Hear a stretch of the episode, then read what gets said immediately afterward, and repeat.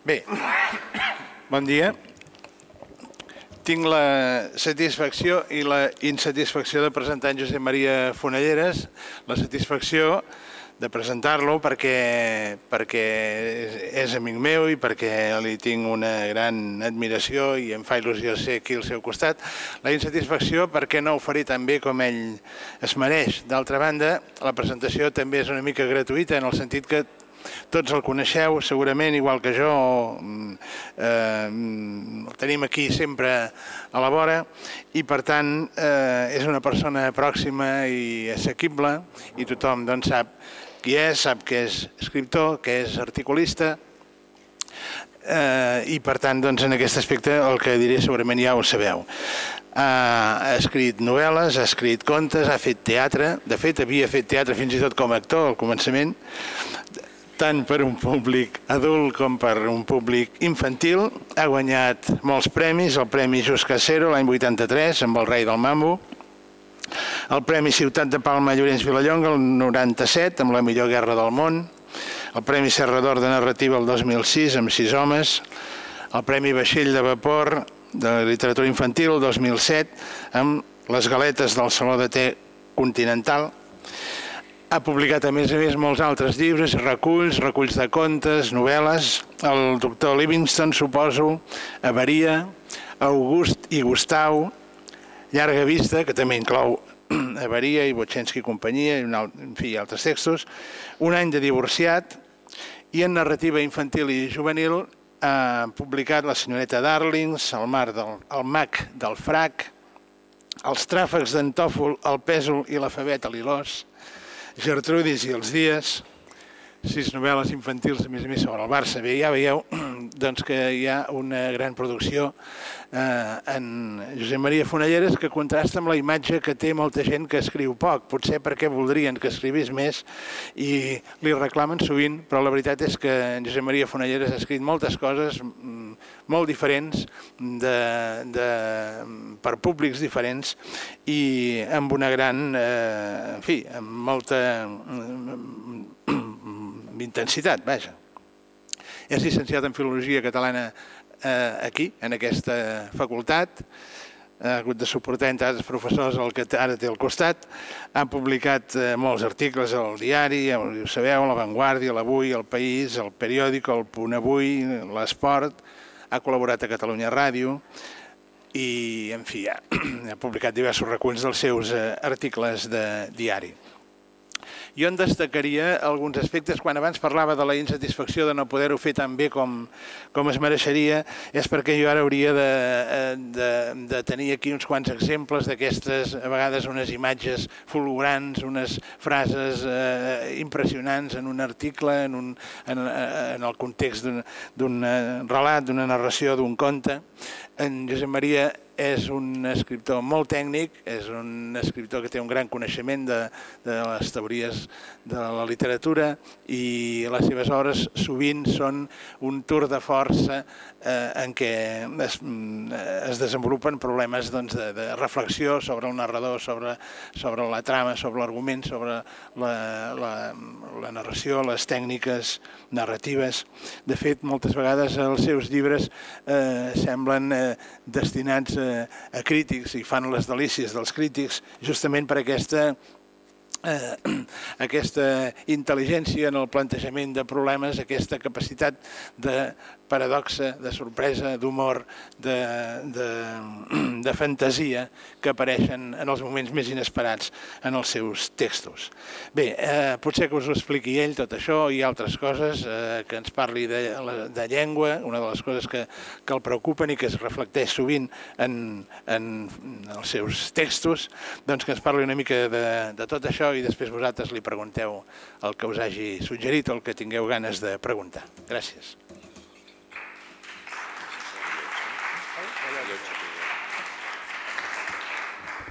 Bon dia. Primer de tot, eh, estic molt content de ser aquí. Content i una mica nerviós, perquè una cosa és, és exposar-te, diguéssim, en un auditori desconegut i una altra és fer-ho davant de gent que, que cada dia els veus o hi treballes o, ens trobem fent el cafè o coses d'aquest tipus. Amb la qual cosa la reflexió a vegades ve una mica encotillada justament per aquest coneixement. Intentaré fer, fer veure que tots sou de, no sé, de, de Vinaròs, no? O, una, o com una vegada que vaig anar a fer una conferència, em vaig atrevir a fer una conferència sobre Màrius Torres a Lleida, vaig pensar, aquí no et coneix ningú, excepte que a Lleida tothom coneixia Màrius Torres, és clar. I després va ser una situació una mica diferent. Hi ha, hi ha hagut una cosa que ha dit l'Albert, que és certa, però també s'ha de matitzar. Ell em va provar les assignatures que tenia de, literatura catalana, però també s'ha de dir que les nits ens trobàvem per fer la botifarra la qual cosa el meu títol de filòleg català queda d'entredit. Torno a repetir, em sembla que eh, és, encara que soni molt tòpic dir-ho, és, és un honor formar part d'aquest cicle justament en comparació a la gent que, que m'han precedit o els que vindran després com en Betzonov o, o en Narcís Comadira. I aquesta meva intervenció eh, té un cert avantatge, en el sentit que jo he assistit a les altres eh? i mm, he tingut una certa percepció de com han enfocat els altres escriptors aquesta reflexió, si podem dir-ho així, sobre llengua i, i literatura. N'hi ha hagut una que va ser l'en Cabré, sobretot una lliçó més de teoria literària, la d'en Ramon Solsona va ser una exposició més d'història de la llengua i més d'apropiació d'una llengua determinada a nivell personal, i després la d'en Biel, que suposo que és la que teniu més recent, eh, va ser un acostament més estrictament íntim, eh? més, eh, més eh, apassionat com és ell mateix amb la relació que té dia a dia amb la literatura i amb, i amb la llengua. Jo estic segur de molt poques coses, poquíssimes, i menys en relació a la literatura i a la llengua. Per això aquest tipus de d'invitacions penso que te les has d'agafar és dir, un escriptor encara que tingui una formació diguem-ne filològica davant d'un cicle d'aquest tipus eh, s'ha de plantejar una mena d'estriptís personal, eh, no patiu, literari, eh? amb el sentit d'ensenyar el que li passa, ensenyar les mancances, ensenyar fins on ha pogut arribar, ensenyar l'evolució que ha tingut aquest escriptor en relació a una eina fonamental com és, com és la llengua. I no solament és l'objectiu del cicle, entenc jo, aquesta reflexió personal, íntima de l'escriptor en relació a la literatura, sinó també una oportunitat que en el dia a dia ben poques vegades hi és, diguéssim, de reflexionar sobre la teva pròpia intimitat, sobre la teva pròpia relació amb la llengua i la literatura. Perquè per una sèrie de circumstàncies, cadascú tindrà la seva, excepte si no et trobes amb un compromís, diguéssim, amb, una, amb un suggeriment, amb un encàrrec per reflexionar sobre això, és més complicat que t'hi trobis. És dir, escrius i no saps ni com escrius, diguéssim. Vas fent, vas, vas treballant i després en un moment determinat, com ara pot ser eh, un cicle com el, com el que s'ha organitzat aquí a la Facultat de Lletres, ens, eh, a nosaltres mateixos ens serveix, diguéssim, per reflexionar sobre allò que estem fent eh, dia a dia o sobre allò que, que ens preocupa en certa manera al llarg de, de la nostra trajectòria. És per això que jo us parlava d'aquesta pròpia reflexió, d'aquest estriptis en el sentit que el que, quan he estat preparant el guió per poder, per poder fer aquesta intervenció, eh, pensava que el més honest, diguéssim, és ensenyar també les mancances. Eh? No només... Eh, L'escriptor no ve a la universitat a fer classes de literatura, sinó en aquest sentit em penso que ve a exposar d'una manera crua i intentant ser molt, molt, molt honesta la seva pròpia relació amb una cosa, amb una eina, amb un instrument, que és el que li porta beneficis intel·lectuals o emocionals i al mateix temps patiments, no? com és la relació amb la llengua. Jo he fet aquí a la universitat algunes classes de puntuació. Sort que no hi ha Pep Nadal aquí ara perquè m'ha dit que el, el que sé fer més malament de la vida és puntuar. i tot i així m'han convidat a fer algunes classes de puntuació amb en Xavier Renedo, que és divertit perquè el que fem normalment és, a partir d'un text curt, un article diari o així, donar-ho als alumnes sense puntuació, que cadascú ho puntuï sobre la marxa. No? És que jo mateix soc el primer que puntuo diferent de com havia puntuat l'original que havia fet pels diaris. Però a part d'això, la cosa que recordo més a la universitat va ser una experiència nefasta, funesta, que va ser fa uns 20 anys aproximadament, que em vaig atrevir a fer una conferència sobre en Quim Monzó. En Quim Monzó, que pràcticament tot just havia fet l'Ulf va dir ell, alguna cosa, algun llibre més. Era un curs d'estiu, deu fer 20 o 25 anys. I dic que era funesta perquè en Quim Monzó era al costat. Jo vaig començar, m'ho vaig preparar durant dies i dies, vaig fer una gran anàlisi dels recursos lingüístics, estilístics, narratius, i quan acaba, quan acaba de fer tota aquella gran classe, en Quim Monzó intervé i diu, bueno, de certa manera això, eh, ja, no hi crec amb tot això que has dit, eh, perquè jo he canviat molt i tot això vaig quedar fotut, vaig pensar, bueno, doncs... I era veritat, era veritat perquè hi havia hagut una evolució en el seu llenguatge, en la seva manera d'entendre la literatura, que la meva intervenció en aquest sentit era una mica arqueològica. Jo pensava que si no m'havia un atac psicòtic, així al mig de la, de la sessió, el que avui parlaré, el que avui explicaré, diguem-ne, l'autor no anirà en contra, eh? que és l'avantatge que avui tinc a l'hora de, de fer, de fer la, la, la conferència. Volia parlar de dues coses. Eh? Intentaré, eh, no sé si seré llarg o breu, perquè això no ho he contat, però ja tinc uns quants amics aquí preparats per si la cosa és breu, que després comencin a fer preguntes, eh? que serà la manera que, no, que arribem al límit de temps. Jo volia dir bàsicament, volia parlar bàsicament de dues coses. Una relacionada amb la llengua curta i tibant. És a dir, un tipus de concepte que ja el veurem més endavant o que, que, que jo ho he notat així, Mm, en contraposició a un altre tipus de llengua, de llenguatge, d'estil, de manera de, de funcionar, que seria més llarga, en contraposició curta, més abarrocada, més, eh, més eh, extensió en contraposició a la que jo proposo, que és amb més intenció amb més intensitat.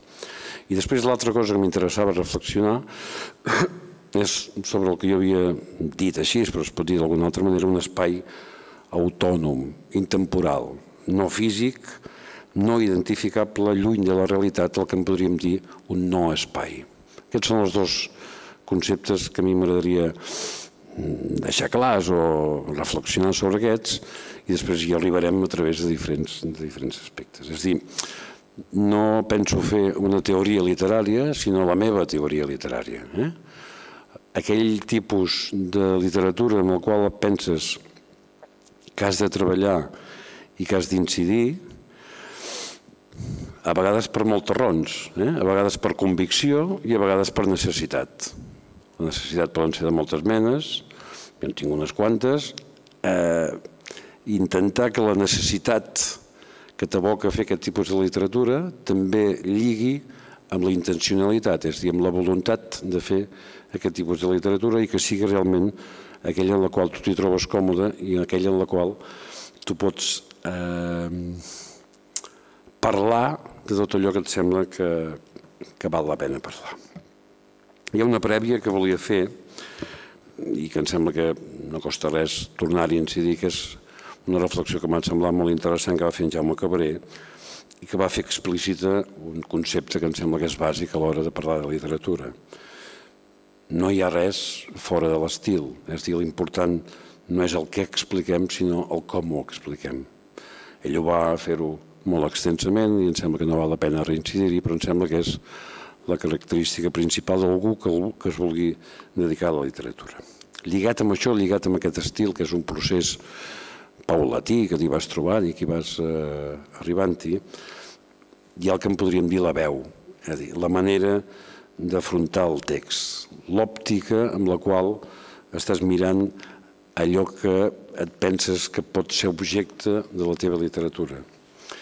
I en aquest sentit, lligat amb això també, la tria dels materials, La voluntat de dir això és interessant, això no ho és, això mereix algun tipus de, de treball eh, literari i que estigui acotat, que hi hagi un marc, eh, em sembla que és en Pere Ballar que té un llibre sobre la teoria del marc poètic, amb el sentit de dir el que és important en qualsevol obra d'art, en, un, en una poesia, en una narració, en un quadre, és establir els, els encontorns, diguéssim, eh? allà on es delimita el que és aquesta producció artística. I en aquest sentit, jo per exemple soc molt refractari perquè no m'hi trobo bé, no trobo que, que funcioni de la manera que, o que jo m'hi trobi còmode a l'hora de, de treballar així, en el que en podríem dir una, una sensació oceànica, diguéssim, eh? com per exemple els blocs. En Biel, per exemple, és un escriptor molt diferent que jo. El llibre aquell que us va parlar la setmana passada és un llibre que en, bona part també es deu a la seva magnanimitat, diguéssim, en relació a l'escriptura, el qual ell cada tant va fent entrades en un bloc interessantíssim que té i després n'ha fet una tria o n'ha fet una reducció d'això. Aquest, trobo que amb els blocs, amb els, amb els, eh, amb els instruments més, més eh, de la xarxa, per entendre'ns, jo hi trobo faltar aquesta, falta, aquesta, aquesta mena de, de límits, de superfície, de dir, eh, farem un conte que tingui 10 mm, pàgines, eh? o farem un article de diari que tingui 1.400 caràcters. Aquesta concreció aquesta necessitat de la miniatura, per dir-ho així, penso que és contraposada a aquesta, eh, que en podríem dir, sensació oceànica. I al mateix temps jo em plantejo aquesta necessitat de la miniatura, de, de la cosa concreta, del fragment, de la cosa petita, com una mena de disciplina eh, de disciplina estètica, per dir-ho així. No? Fa poc, em sembla que era aquest cap de setmana, sortia una entrevista amb un escriptor portuguès que em sembla que és interessantíssim, el Lobo Antunes, a part de dir moltes coses interessants, en deia una que, que jo me la podria posar, diguéssim, com a front, el frontispici del, del lloc on anava a dir del meu despatx, però no, no tinc despatx, és del, del lloc on escric, que es diu No m'interessa l'intriga. I mm, pensava que un, un bon exemple d'això és un, un dels personatges del meu últim llibre, de Sis homes, fa una reflexió eh, similar en aquest sentit. Diu,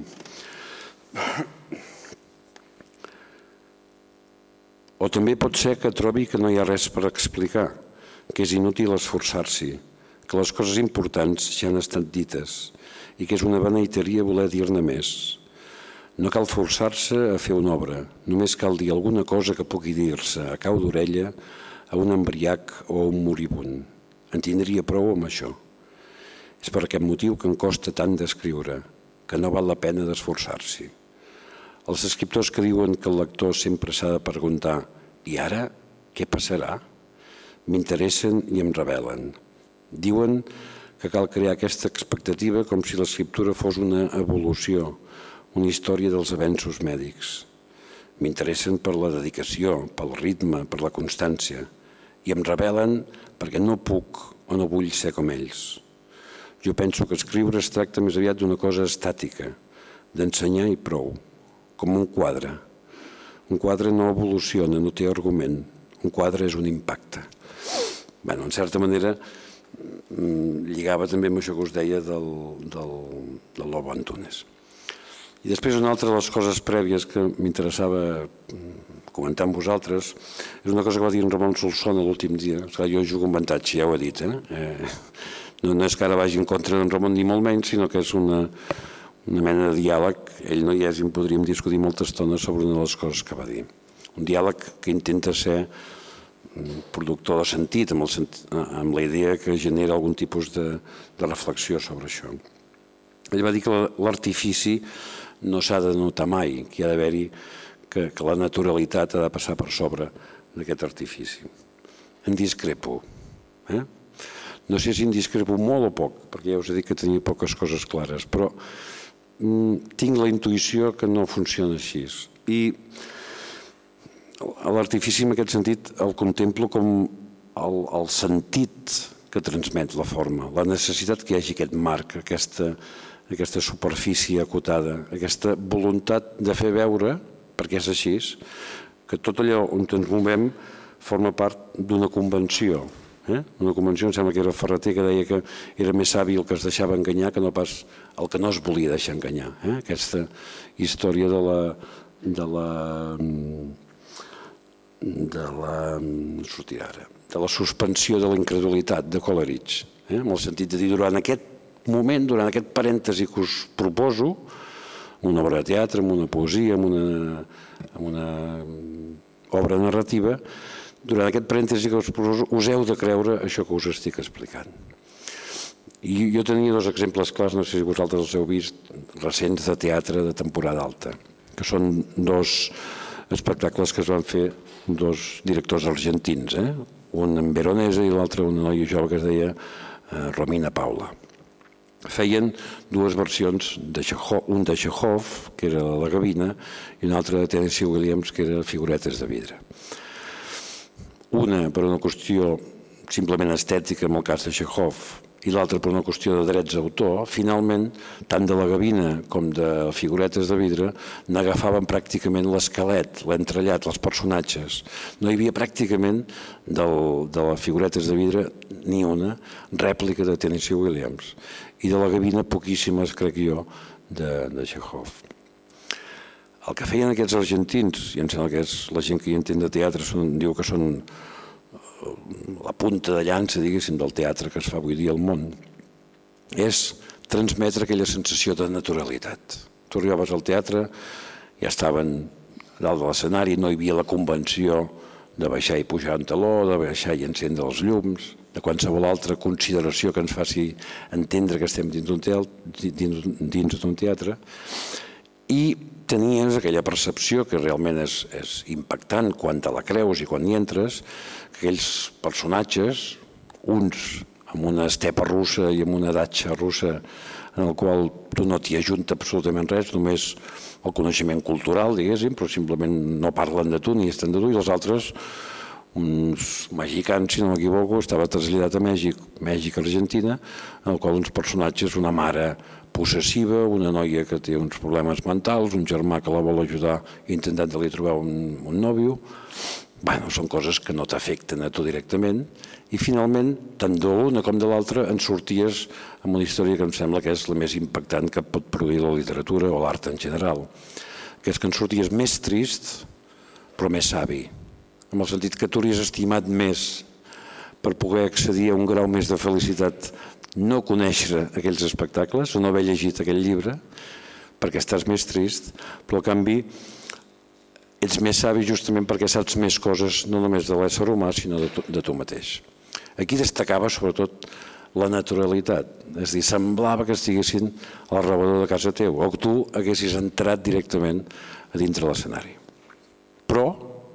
Abans d'entrar havies pagat una entrada o l'havies encomanat uns dies abans al caixer automàtic sabies que aquelles persones tenien un moment acotat que durava una hora i mitja, gràcies a Déu, no en durava tres o quatre com altres, aquesta en durava només una hora i mitja, en el qual durant aquella hora i mitja passaven una sèrie de coses que havien estat assajades i que havien estat... És a dir, tots els processos artístics es donaven. La conseqüència era aquesta aparença de naturalitat, que en principi acabava sent tan, entre cometes, antinatural com qualsevol com qualsevol altra en la qual l'artifici es notés més. Tot això per no anar en contra, sinó reflexionar sobre les coses que va dir en Ramon aquest dia, amb el sentit que, que es noti l'artifici no crec que sigui un, un tret destacable a l'hora de parlar de literatura perquè la literatura és artifici, justament. La convenció, en aquest sentit, eh, la naturalitat no deixa de ser també un artifici. I la convenció, aquesta convenció que tots, aquesta suspensió de, la incredulitat, aquesta voluntat de Barcelona, aquesta voluntat de dir, dintre d'aquest parèntesi que m'està acotat en una obra de teatre, en una novel·la, en una narració, eh, jo m'ho crec, jo hi entro. Eh? Jo participo d'això que em fa més savi i segurament més trist. Més trist perquè finalment he sigut més savi. És a dir, és a partir de la convenció que aquest l'art esdevé un artefacte de sentit. Hi ha un text que serà una mica llarg, però em sembla que és molt, és, trobo molt i molt interessant, que, que parla justament d'això, eh? d'aquesta, de com nosaltres accedim eh, eh, com a lectors o com a espectadors aquesta percepció artística.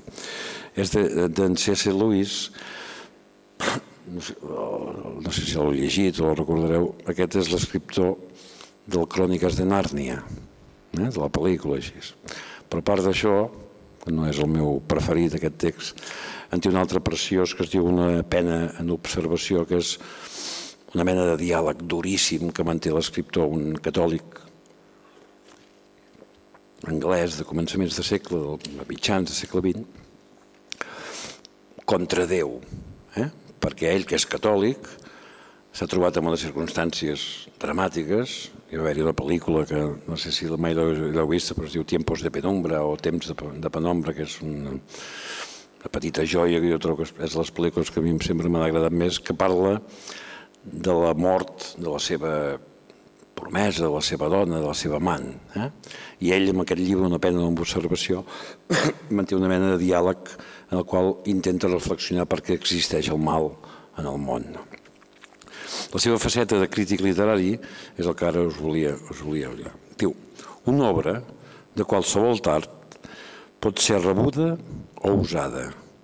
Quan la rebem, exercita els nostres sentits i la nostra imaginació i diverses altres facultats d'acord amb un model creat per l'artista. Quan la usem, la fem servir com un ajut per a les nostres pròpies activitats. El primer cas, és dir, el de rebre aquesta obra d'art, per fer servir un paral·lelisme passat de moda, és similar a ser conduïts en una excursió en bicicleta per algú que coneix camins que nosaltres mai no hem explorat. El segon, el d'usar, és com enganxar-nos un motoret a la bicicleta i passejar pels nostres camins de sempre. En ells mateixos aquests camins poden ser bons, dolents o indiferents.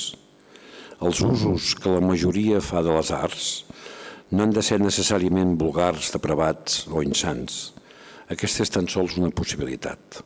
Usar és inferior a rebre, perquè l'art, si és usat i no és rebut, tan sols facilita, enlluenteix, alleuja o palia la nostra vida i no hi afegeix res de nou. Quan l'art en qüestió és la literatura s'hi presenta una complicació, perquè rebre paraules és sempre en algun sentit usar-les, anar a través d'elles i més enllà d'elles, cap a alguna cosa imaginada que no és en ella mateixa verbal. Aquí la distinció pren una forma lleugerament, lleugerament diferent. Anomenem contingut aquesta cosa imaginada. El que l'usa vol usar aquest contingut com un passatemps per les estones de tedi o de malestar, com un problema, com un ajut en la construcció de fantasieig, o potser com una font de filosofies vitals, com una mena d'autoajuda, per entendre. El que la rep vol quedar-s'hi. Per a ell és, si més no temporalment, una finalitat. Aquesta manera d'actuar pot ser comparable, en un sentit ascendent, amb la contemplació religiosa o en un sentit descendent amb el joc. És a dir, que d'alguna manera aquesta contraposició que veiem entre rebre i usar Rebre seria, salvant totes les distàncies, en sentit ascendent, tenir en relació a la llengua i a les paraules una mena d'actitud religiosa i l'altra seria una mena d'actitud de joc. Eh? Aquesta és una de les, de les eh, contraposicions que em semblen eh, més productives i més interessants a l'hora de reflexionar sobre la relació entre l'escriptor i la literatura. La literatura que, com deia Oden, makes nothing happen, és a dir, no fa que passi res, no produeix cap benefici immediat, sinó justament aquella, una cosa que deien com a dir, aquella necessitat inútil, eh? aquella no fa que passi res, però fa que pugui passar tot.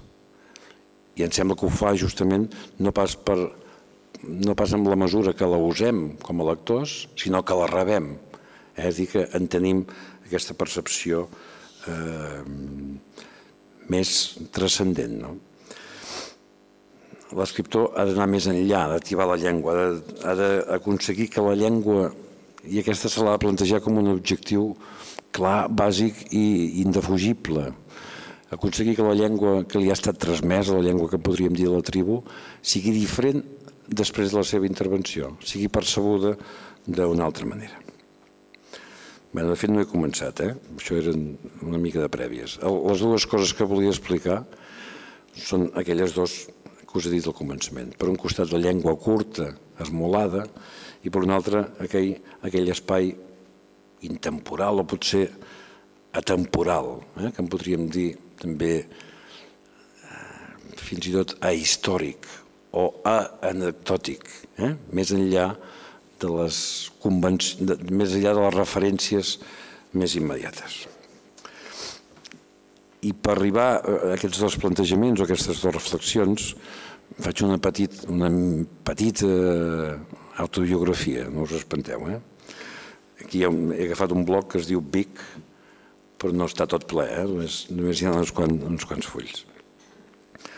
El, meu accés, diguem-ne, sistemàtic a la literatura, a la, a la reflexió literària, mm, o a la llengua fins i tot, no ve a través d'una educació normal, convencional, sinó que pràcticament neix a partir de l'experiència universitària. És a dir, més enllà de la llengua parlada i col·loquial i normal que faig servir des de petit, la, la, la voluntat, diguem-ne, o, o l'accés a aquest tipus de llengua més formal, fins i tot a la història de la literatura, la llengua, ve a través de, dels estudis universitaris que ja faig de més gran.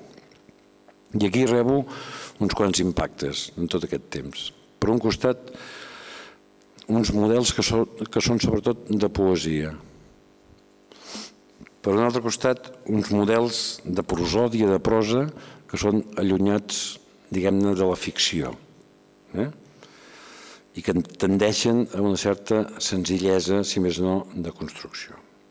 Però per un altre, o a través de la universitat, o a través de, de lectures, diguem-ne, no estrictament universitàries, l'arribada d'altres referents que xoquen amb aquests no? i que són estilísticament o estèticament són diferents dels que d'alguna manera ens serveixen no per entendre la literatura o per entendre la llengua, sinó per aprendre la llengua. És dir, d'una manera sistemàtica jo no aprenc la llengua fins que començo a fer primer de filologia, perquè no havia fet mai abans de, de, de normativa. No? És dir, que la combinació dels primers descobriments diguem-ne, estètics o de models eh, d'una manera sistemàtica van lligats indefectiblement al descobriment de les regles, de les regles del llenguatge. Eh? I això passa ja a partir d'una determinada edat. I després de tot això es, pro, es produeix una mena de procés de decantació.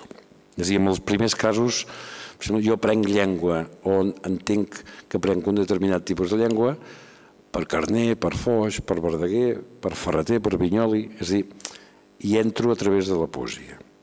Aquells models de prosòdia o de prosa que funcionen a través d'aquesta senzillesa són ruïra o són pla. I després hi entren altres referents que xoquen a vegades amb aquests, perquè provenen d'altres cultures, d'altres llengües o perquè d'altres propostes estilístiques, com per exemple Dylan Thomas o Salinger o Kafka o sobretot, per exemple, també més endavant la novel·la del 18, eh? Stern i Tristam Shanti, aquesta altra cosa que no té res a veure amb això que havíem vist ara, però que, diguéssim, t'acosta a un altre determinat tipus de literatura. Que també, i aquesta és una altra que ajuda en aquest procés de decantació, un tipus de literatura eh, sud-americana que no està tan relacionada amb les grans eh, epopeies sud-americanes, amb les grans obres, diguéssim, novel·lístiques del realisme màgic, sinó en peces més concretes, més determinades, com poden ser eh, Borges, Rulfo o, Monterroso. Eh? És a dir, escriptors que treballen algun altre tipus de percepció de la realitat més, eh, més acotada, per dir-ho així. És a dir, per un costat hi ha una forta influència poètica, eh? amb, amb la qual accedeixo també al coneixement de la llengua amb un cert ordre. Per una altra, una delícia pel joc, per la possibilitat que aquesta, que aquesta literatura que vaig descobrint te dona de dir, que tot és possible, tot és eh, tot és eh, factible de convertir-ho en una mena de juguesca lingüística, en una mena de un gaudi per l'efervescència, en podríem dir, eh? per la voluntat de fer jocs de mans. I aquí hi ha un exemple que aquest recordo que em va marcar molt. Hi ha un, una escena de, del Guardià al camp de Sègol de J.D. Salinger en el qual el protagonista, el, el professor de redacció, li encarrega que faci una redacció sobre la família, sobre el, un tema més concret encara, sobre la seva mare. I ell comença a explicar que està fent una redacció sobre la casa de pagès on vivia la mare perquè resulta que el tio havia tingut un càncer i la mare havia hagut d'anar a veure el tio i parla de la casa de pagès i de quan era petit.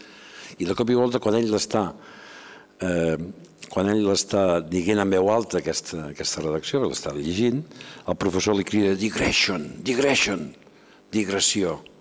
És a dir, no estava permès en aquella classe de literatura que hi haguessin digressions.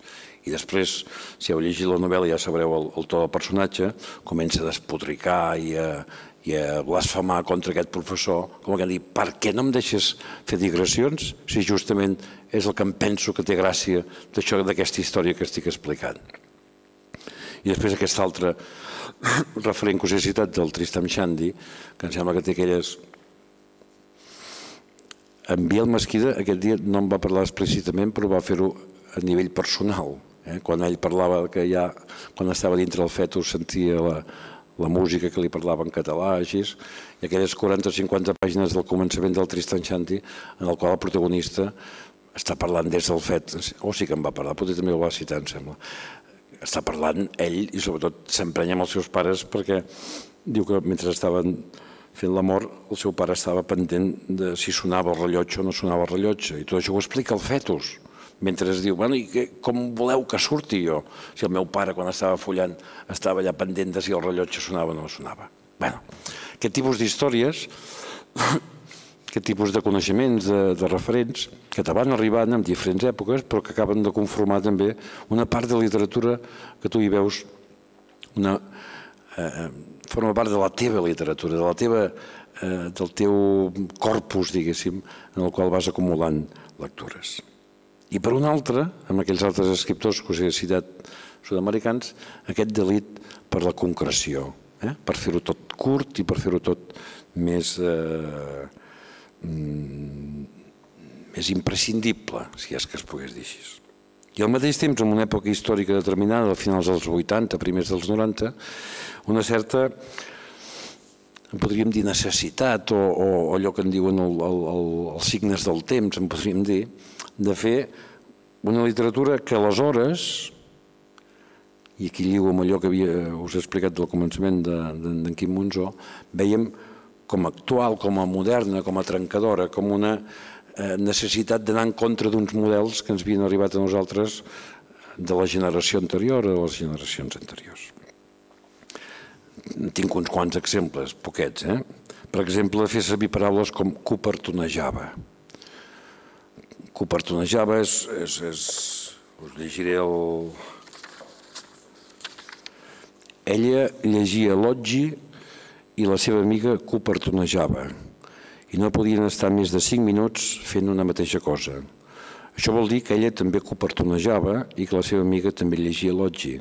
És a dir, que totes dues estaven estirades a la, platja llegint Loggi i prenent el sol. Loggi és una revista com Lola, eh? en italià.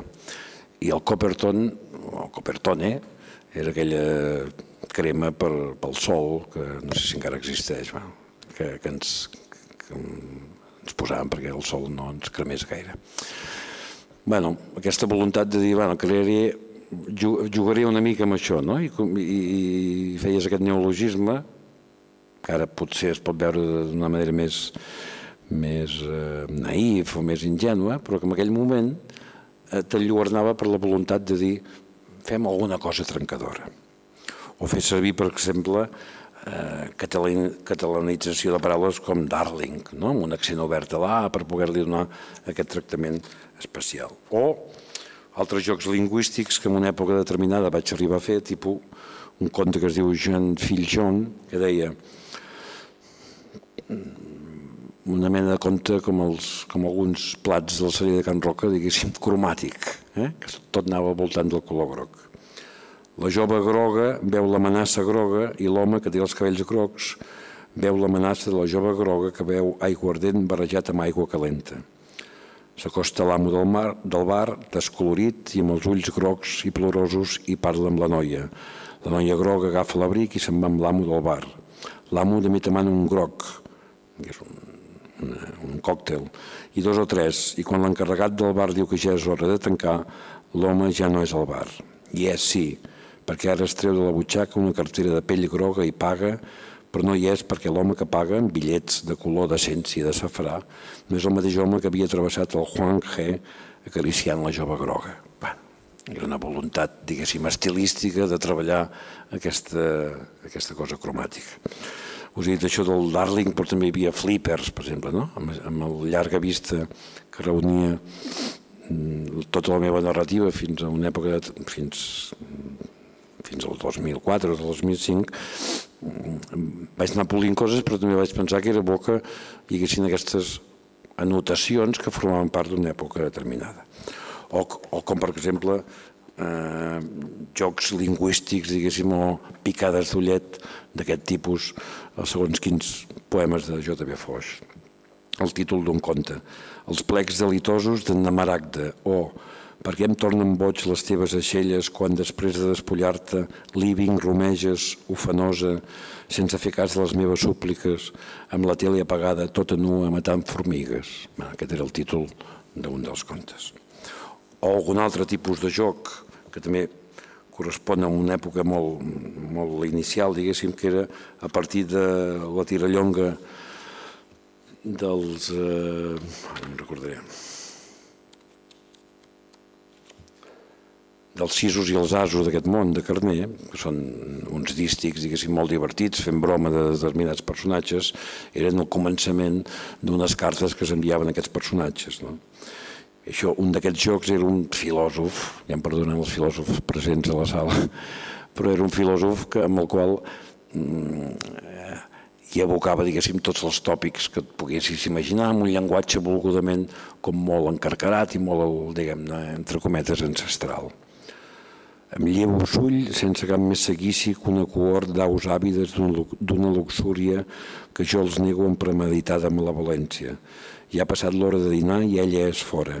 Se n'ha anat al poble a cercar manar per la meva ànima, empobrida per la mancança cruel del seu amor.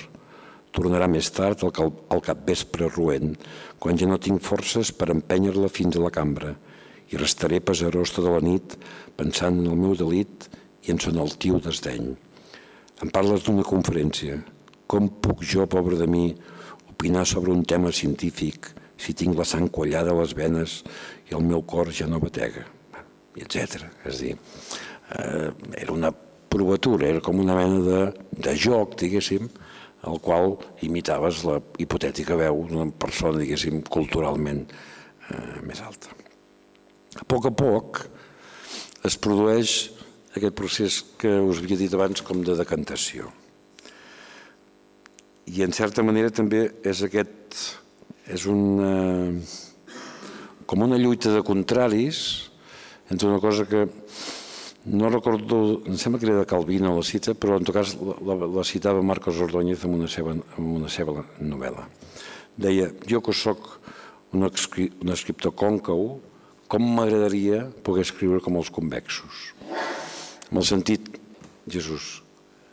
I feia una, una comparació, sobretot que és la que m'interessa, entre còncau i convex. Eh? L'escriptor, diguem-ne, amb una curvatura al mig, amb una elasticitat, amb una, amb una literatura flonja, no en el sentit de tova, eh? sinó d'onada, diguéssim, de, de, de llarga, eh? de tsunami, per dir-ho així, que s'estén amb una superfície llarga, o bé l'escriptor convex, en el qual, diguem-ne, podríem dir-ne mm, cantellut, eh, més, eh, més de, de vores marcades, més de, de racons, eh? més d'agudesa en aquest sentit. Aquesta contraposició de dos possibles literatures.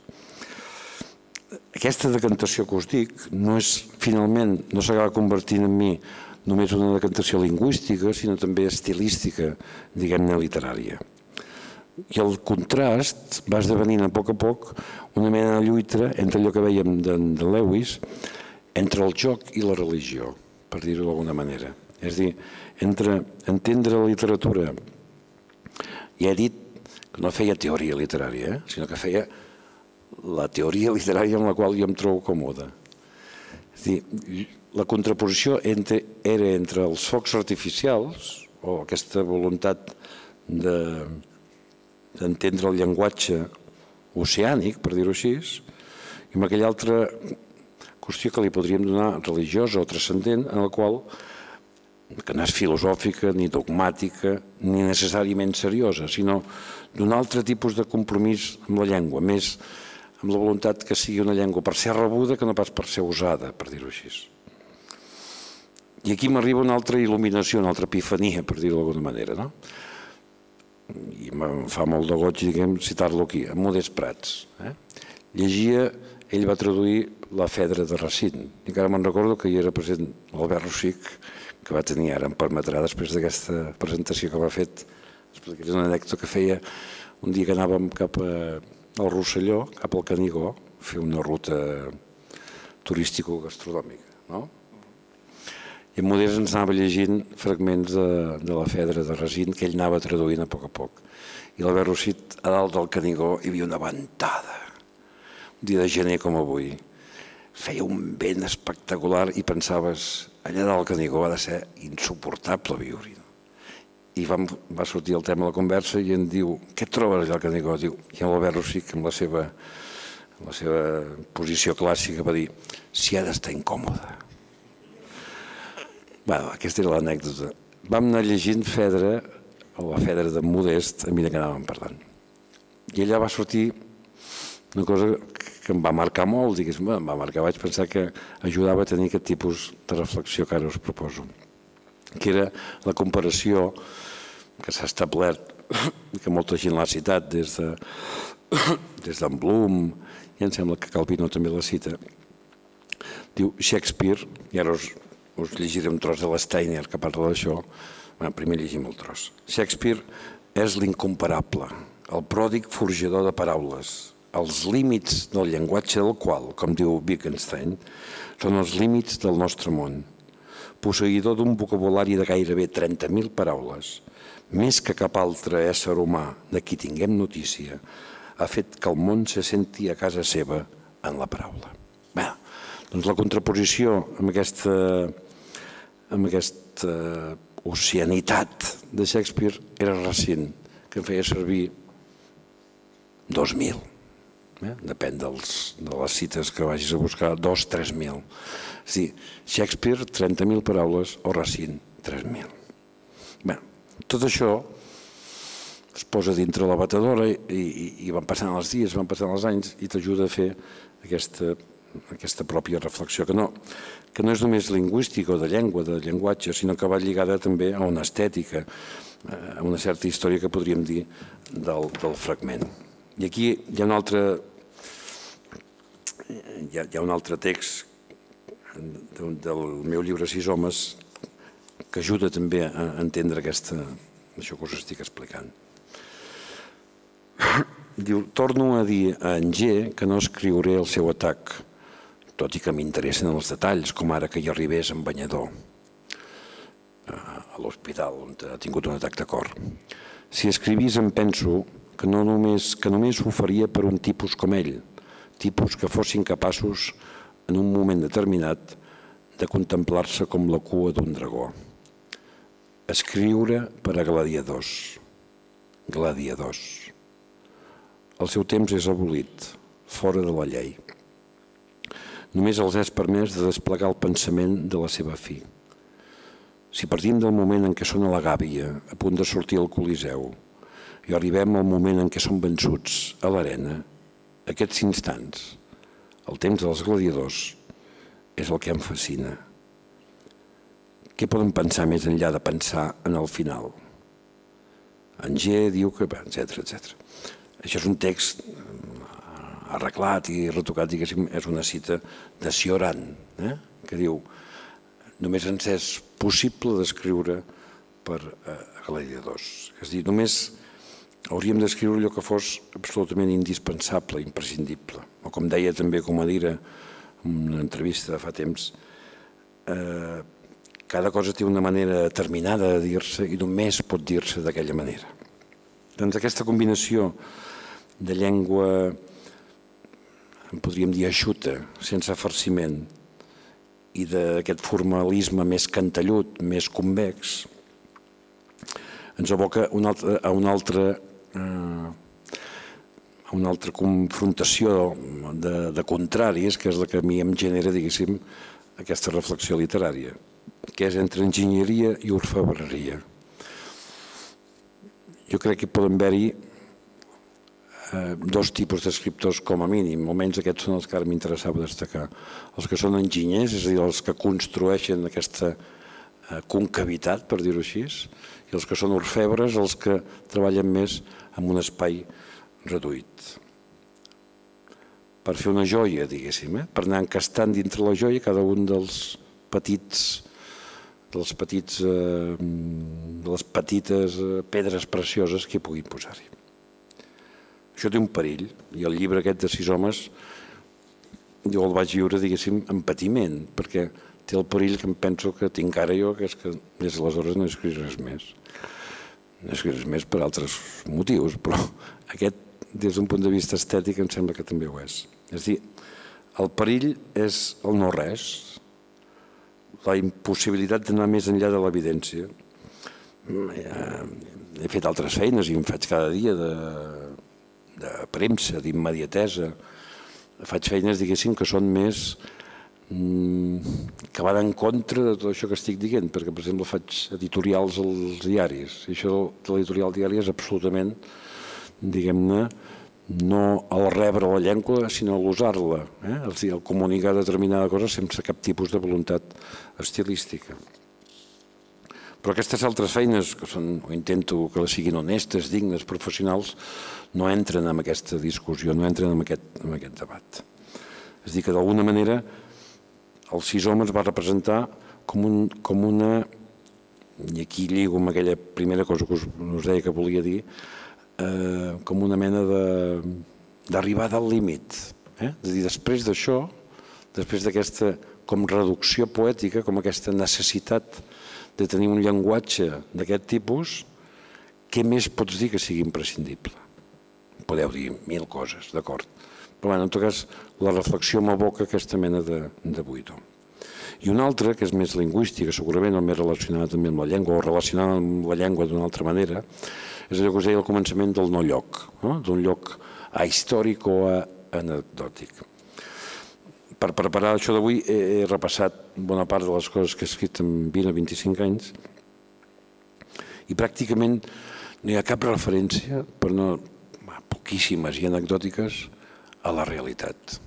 Ningú passeja per la Rambla. Ningú se'n va a Barcelona amb tren. Ningú compra en una botiga del Passeig de Gràcia.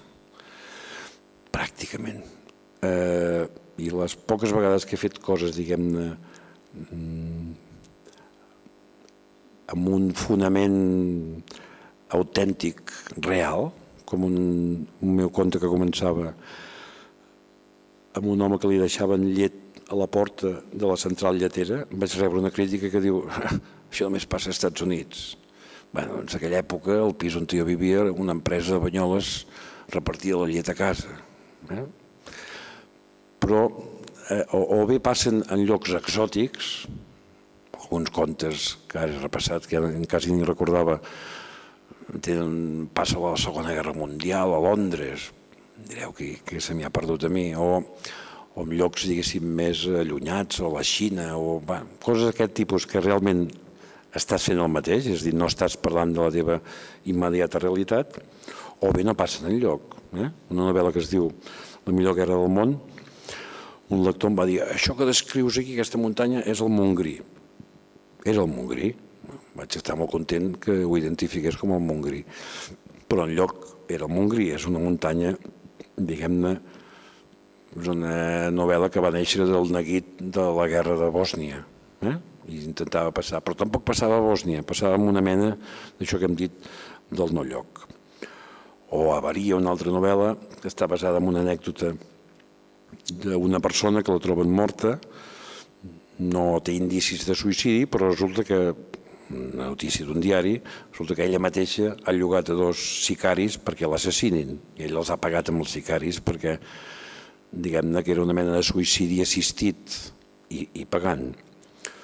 O aquest que us deia sis homes, que amb aquest, aquests dos fragments que us, que us he llegit són d'un primer conte, en el qual hi ha un personatge que té un atac de cort i eh, fa un trasllat, diguéssim, des d'una població de la costa fins a una ciutat on hi ha un altre hospital. No surt que la població és Palamós i que l'hospital és a Barcelona. Eh? He de fer una gran circumloqui, per dir-ho així, un petit circumloqui per no dir Palamós i per no dir Barcelona.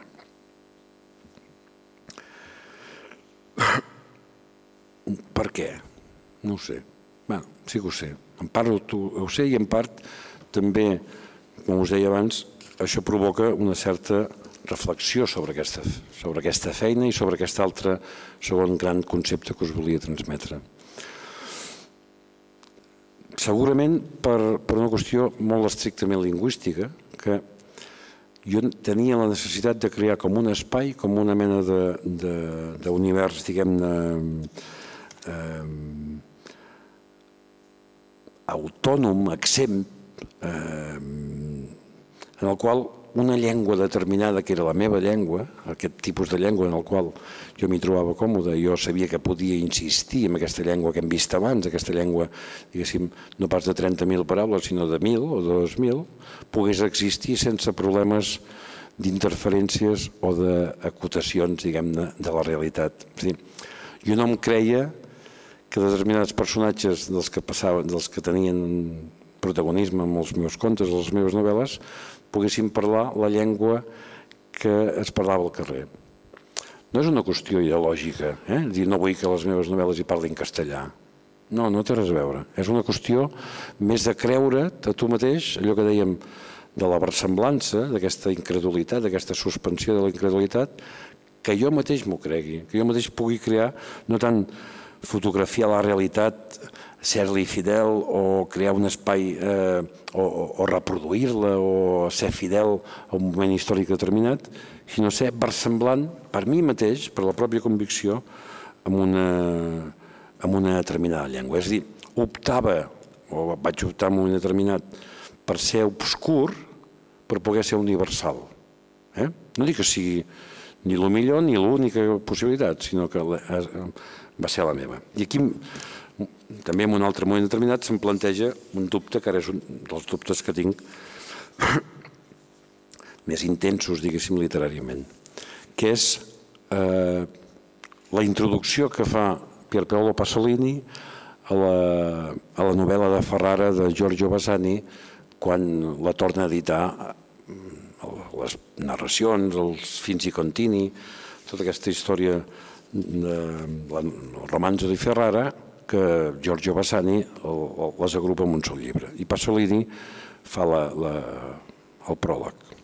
I explica una història que va en contra d'això que estic dient eh? i que a mi em provoca aquesta reflexió intel·lectual. Em diu, bueno, per no haver-ho traduir cada malament us ho llegiré en castellà. Diu, durante la redacción de cinco historias ferraresas, cuyo venir a la luz he seguido, Recuerdo que cierto día Basani me interpeló, no sé si para solicitarme un consejo o para darme una información cuya forma titubeante no excluía, creo recordar, un mal disimulado aire de victoria. Lo seguro es que el asunto emocionaba mucho a Basani, mejor dicho, lo entusiasmaba. Efectivamente, se trataba de una infracción lingüística que subvertía todas sus anteriores costumbres y que por lo tanto le brindaba el placer casi sensual conjuntamente de la autodestrucción y de una nueva forma de la cual enamorarse. Això està parlant dels començaments de Bassani. Eh? El romanzo de Ferrara com a tal s'edita als anys 70, si no recordo malament, però això són els anys 50 quan comença a escriure Bassani. Diu, el problema era el siguiente, seguir escribiendo F o bien escribir sin medias tintas Ferrara. Hasta aquel momento, a principios de los 50, siempre había escrito F. Ferrara no se mencionaba. Debía permanecer por un lado en la oscuridad y por el otro aspirar a la universalidad, allò que us deia, no? de l'obscuritat i la universalitat. Ello estaba garantizado por el uso misterioso y gloriosamente convencional de tan solo la inicial.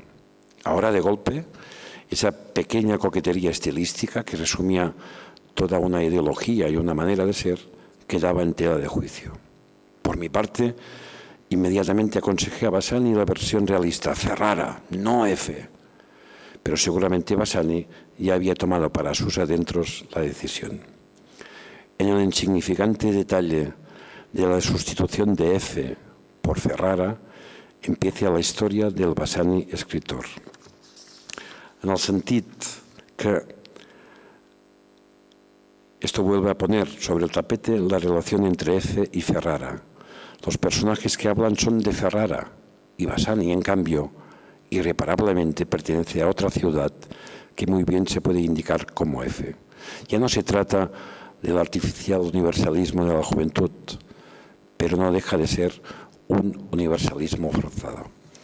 Aquest tipus de, de reflexió eh, em, em posa un altre dubte. Eh? Un és el d'aquest determinat tipus de llengua i un altre és el d'aquesta creació d'un espai en el qual jo em trobo còmode justament perquè que hi ha aquell, aquell tipus de llengua que us he, que us he intentat descriure i en el qual penso que aquella llengua pot eh, desenvolupar-se amb aquesta estilització que jo buscava. Aquesta estilització en podríem dir quasi poètica. I tot plegat, eh, com us deia abans, eh, un atzucac amb una mena de, de, de carrer sense sortida, eh, amb un cul de sac. De, I aquí és on hi havia l'estriptís, aquella que us prometia al començament. No saber gaire què fer, eh, de trobar-te amb una mena de, de, de final del camí, que no dic que no vull eh, generalitzar-ho, és una experiència personal que és difícil de, de veure. No és ni saber veure una i ja acabo, que és un vers de Carner que em sembla esplèndid i que ajuda en certa manera a veure una mica de llum amb això, no? que és la creació del poema. Contrada morta o bé fadada, era una antiga fondalada on jo no era gens, inútilment badada, sense petjada ni presents, lluny i més lluny de cada ruta, oberta als que vivim de paret dreta i absoluta, rebutjadora fins al cim. Fora del viure temerari, aquell fondal inconegut, com que jo, com que ja mai no fou recer d'un solitari, mai no tingué ni solitud. I els núvols per damunt creuaven amb recança pels grans silencis blaus car no hi havia ulls que els dessin la semblança de plomes i de naus. Si estem en una mena de territori desèrtic, on no és ni, no és ni un territori de soledat perquè no hi ha ni la soledat. En tal indret, d'aquells on ni l'ocell recala, un dia va assajar de néixer un morir sec, ratpenat, primer que hi portaria l'espai en feina d'ala, primer que hi marcaria el temps amb son batec.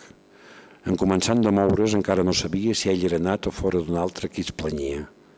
L'havien dat a un viure tal volta maleït des d'una gran cofurna més negra que la nit. Diu, un ésser determinat, que a més a més és sec, o gairebé sec, com un, com un ratpenat, entra dintre aquesta mena d'espai desconegut i desèrtic on, no hi ha ningú ni possibilitat que res funcioni. Venir d'on no sabeu amb fred i queixa, per quin incert, per quin fruit. És prou diví de néixer commoció de l'àrid dispersió del buit. El morissec amb mena de repte i de pregària i de senyals d'absència voltat per tot arreu, volia doncs somoure la fossa mil·lenària, primera provatura d'una veu, deixar-se sentir. però davant d'aquell grapat de sutge i cendra, captant, captant amb dos xisclets humils, ja abans de viure elles mateixes i comprendre, les coses mudes van tornar-se hostils. Tot, a l'entorn, era impassible fita. I del no-res en el cantell va tremolar una sort petita, igual que un flamissell. I quin miracle! Amunt, per la serena, claror saltant garlandes, el, son, el sol ponent ofrena, creuava un àngel mirant cap avall. I aquella mena de crit llunyà del, del, del ratpenat crea un àngel. I era el més vell, el que espasa no té ni cap mall, el que a les festes o dansa o repica i fa brandar quan la gent dins la boira es capfica una bandera, una rosa, un fogall. Mirant avall va somriure una mica. Potser l'havia alertat un estel, potser la veu que afanyosa d'un somni somica, és un esquer per al cel. I envers aquelles cloterades, tot seguit uns ocells des del fons de remotes diades es migraven per cants futurs. Qui comença a néixer al món, per entendre'ns, eh? la creació del poema o la creació d'un determinat món. I de la timba, sota els murs, eixien s'esveïen les ratlles acuitades, projectes de buscam incerts i purs. Un cim de roca s'estremia com demanant l'invasió del vent, on el mugró d'alguna font s'esdevindria, la pedra s'avalania misteriosament. Per amagar l'esguard de l'adventici, perquè no es veiés tot això que està passant, tot el primer trasbals, arreu movia el nou desfici inquietud de boires desiguals ja millorarà pendissos una carena brava, com demanant l'inconegut trepig. Em delia fins jo, que m'ignorava, era el començament que començava, era el desert, amb el desig. I bueno, aquesta voluntat, aquesta mena de dir, hi ha alguna cosa que encara puguem dir, no? que encara jo pugui dir. I aquesta creació d'un univers determinat que encara, que encara pot ser a l'abast. El Lobo Antunes, que us deia abans, eh, deia que ell només sabia què volia escriure quan començava a escriure. I, certa que, i ho signo. Eh? No és tant la feina de allò que us deia l'enginyer de l'orfebre, l'enginyer ha de tenir-ho tot calculat, l'orfebre diguem-ne que pot improvisar una miqueta més, no tant, però bueno, amb la voluntat de dir, mentre estic escrivint sé què vull acabar escrivint i estic segur de ben poques coses i us he plantejat sobretot dubtes i, i situacions que jo vull pensar que jo mateix, almenys per mi, m'han servit per aclarir-me una mica.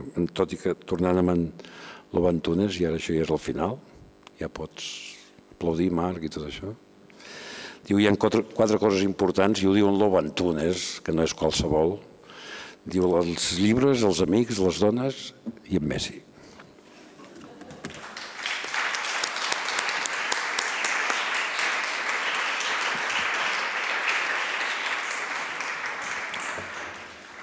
Bé, si hi ha preguntes, eh, ara és el moment de fer-les.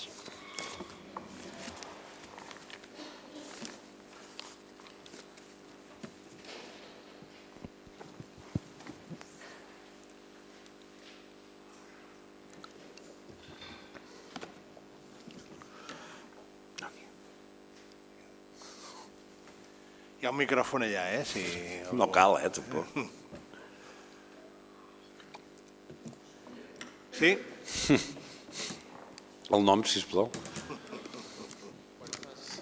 Gràcies.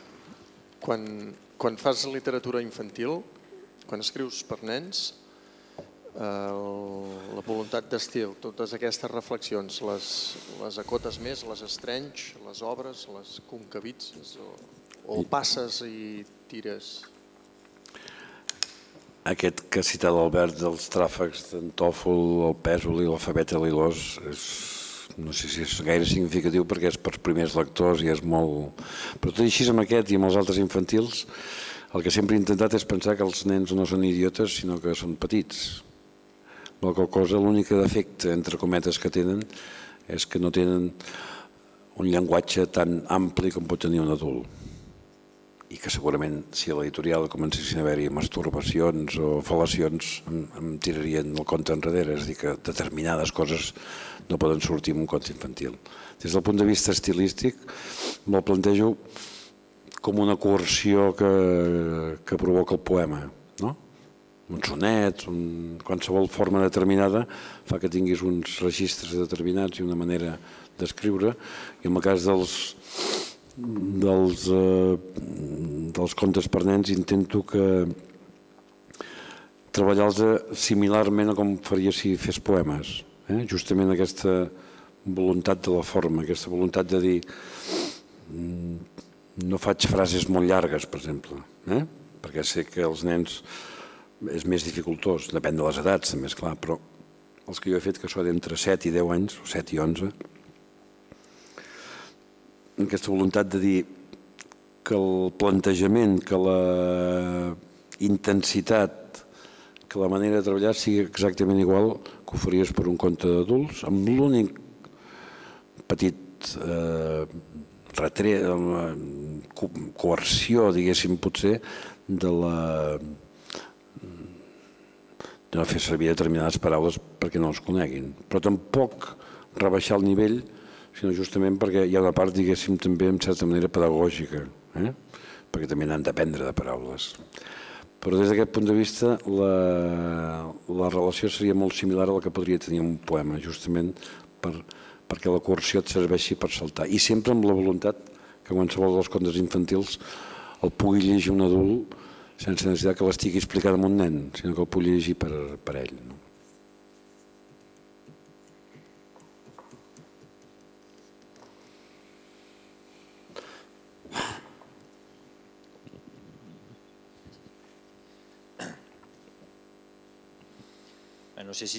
Si se sent, sí. No sé si, si, si és pertinent o impertinent la pregunta, no, però en relació a la, la reflexió aquesta que has fet del... Se sent, sí, això? Sí, sí. Jo no, no em sent. La reflexió aquesta que has fet de la... De, la, la el no espai, diguéssim, no?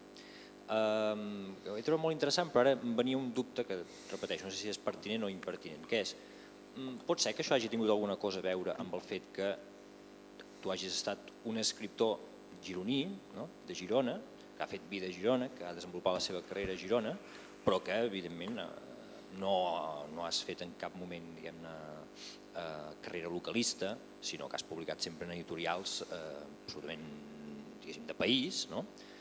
i no sé fins a quin punt hi podria haver, pot ser alguna... És a dir, em venia al cap, per exemple, no? a llarga vista tinc present ara, no em facis dir quin compte és, però eh, la Predó de Camp Moriscot, per exemple. Sí, des dels pocs... Eh, però no diu mai que és Camp Moriscot. Però no ho dius en cap moment, no. efectivament. És a dir, sí. un operador que surt en licors amb sargantanes només pot ser, segurament, de tot Catalunya només sí, pot ser sí. Camp Moriscot, però eh, per dir així això s'amaga. Eh? I em venia el dubte. De, i eh, això normalment els escriptors de Barcelona no ho fan. Els escriptors de Barcelona normalment tendeixen més aviat a convertir la ciutat en, en, en, en un topos literari eh, més aviat com un valor a l'alç, etc. Llavors la cosa és, tu has, has escrit al llarg d'una etapa doncs ja bastant llarga que Girona, per desgràcia, doncs encara en molts sentits era la perifèria. Eh, I la pregunta és, no sé, ara potser és fer una mica un experiment mental, una mica gosar, però si haguessis, tu creus que si haguessis sigut de Barcelona també haguessis jugat, per dir una mica, com, com si Bassant en comptes de ser de Ferrara hagués sigut de Roma, potser hagués tingut aquests, aquests dubtes, no sé si, fins, si pot haver-hi algun... No, això que dius és molt interessant. Probablement no, Probablement no. És dir, aquí entren, jo crec que dos factors. Un, d'una manera més inconscient, això que dius, no dic pas que no. Eh? Perquè pots tenir... No ho defenso, eh? simplement ho exposo com una peculiaritat meva que no n'estic segur que tampoc sigui ni molt menys, vaja, no és una, una llei a seguir, ni molt menys. Eh? Justament he llegit aquest text del, de Passalini perquè ho posa en dubte, això. És dir, diu, Bassani es converteix en escriptor de veritat quan deixa davant de l'abstracció i ho concreta i parla de, no d'una F hipotètica, sinó d'una Ferrara eh, que es pot encara ara visitar, diguéssim, no? És dir, que en una part, segurament, i, i això sí, jo et confesso d'una manera inconscient, és no caure en aquesta història de, del localisme. Eh? que repeteixo i que quedi ben clar, no és una cosa que diguis necessàriament parlar de Sant Narcís o de va pujar per la força per anar a la catedral implicaria que un escriptor fos menys universal que un altre. Exemples en tindríem per, per moltíssims. Però bueno, és una percepció determinada que sobretot va lligada amb l'altra consideració. De dir, jo seria incapaç, o he estat incapaç durant tot aquest temps, de fer un tipus de narrativa amb la qual fos com una mena de translació, de fotocòpia d'allò que sento pel carrer. És a dir, en aquest sentit seria el contrari del que aquest dia va expressar en Biel. Eh? Sempre vaig amb les orelles, bueno, en el meu cas seria espectacular si anés amb les orelles a fons. Però el, no m'interessa tant reflectir com parlen aquests o si aquell policia parla en castellà que parli en castellà. És a dir, aquesta realitat no m'interessa o no m'ha interessat durant molt de temps. He tingut la necessitat de crear aquesta mena de no espai o de no localització, per dir-ho així, de no concreció d'allò on te passen les coses, justament perquè he pensat que la manera, no tant amb la voluntat d'esdevenir universal, eh, que això o, o, o esdevens o no, ja, ja t'ho diran els altres, sinó de crear aquest espai, de crear aquesta, eh, aquesta mena de ficció, no literària, sinó lingüística, en la qual els personatges, el narrador, aquella veu des de la qual enfoques la història, fos creïble per mi. I necessitava que aquestes dos, tres, eh, aquestes X mil paraules funcionessin dintre d'un entorn en el qual allò fos autènticament versemblant i real. Mm, no tinc gaires arguments, diguéssim, eh, per fonamentar això. És, és més una percepció que mm, te la provoca una cosa com aquesta en la qual penses sobre el que has estat fent. Mentre està passant, no necessàriament hi és tota aquesta cosa prèvia. I és ara, i és o hi és amb els sis homes que va significar un llibre, una mena de final de camí en un determinat, que per això em portava aquesta mena de carrera sense sortida, perquè era un llibre, com deia abans l'Albert, en el qual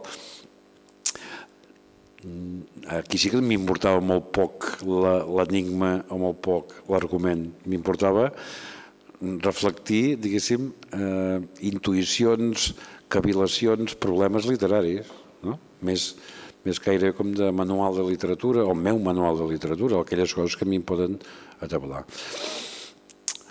La part aquesta que dius tu no dic pas que no hi sigui, però jo penso que hi és més la part aquesta d'intentar crear un món en el qual aquells personatges mm, per mi siguin versemblants i puguin parlar aquell, aquell llenguatge que jo els hi faig parlar. Que si els traslladés a una determinada realitat mm, i volgués ser fidel a aquesta realitat, potser ja no parlarien de la manera que jo vull que parlen. I com que no m'ha interessat durant tot aquest temps ser un notari del que estava passant, sinó crear, amb la mesura del possible i amb la meva capacitat, aquest món exempt autònom, bueno, em sembla que és aquesta la, la reflexió. No?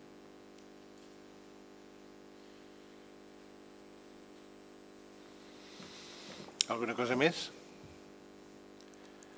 deixem aquí, doncs. Moltes gràcies per haver vingut, moltes gràcies, Josep Maria, i fins a la pròxima.